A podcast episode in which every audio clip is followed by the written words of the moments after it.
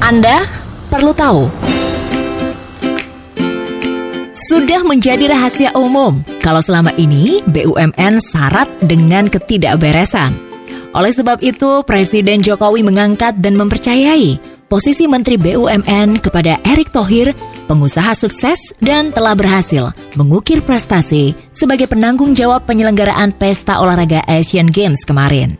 Tugas Erick Thohir cukup berat, yaitu penyelamatan BUMN dan kekayaan negara ratusan triliunan rupiah yang ada di dalamnya.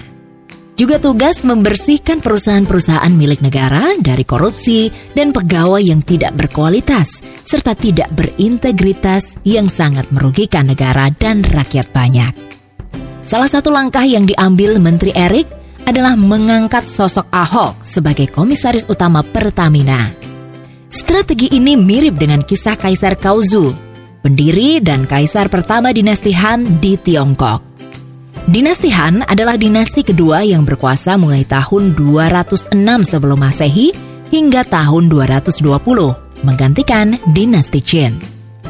Suatu hari Kaisar Kauzu mengutarakan kekhawatirannya kepada sahabatnya yang banyak akal, Zhang Ol. Kaisar berkeinginan mengetahui pejabat dan pegawainya yang baik dan tidak korup. Namun beliau tidak tahu bagaimana cara mengujinya. Zhang Ol pun tertawa dan berkata, Mudah sekali yang mulia, tunjuk saja Xiao Hai dan Chao Sen, dua pejabat yang selama ini dikenal, berani, lurus, dan jujur. Nanti coba yang mulia perhatikan, siapa-siapa saja yang bersuara keras menentang pengangkatan Xiao Hai dan Chao Sen. Mereka lah yang terindikasi kuat, tidak jujur dalam bekerja dan patut dicurigai.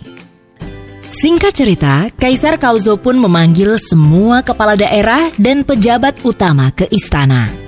Beliau mengumumkan akan mengangkat Xiao Hai sebagai kepala polisi dan Chao Sen untuk membenahi masalah hukum. Serta-merta sebagian pejabat yang hadir mengutarakan keberatan mereka dengan berbagai alasan.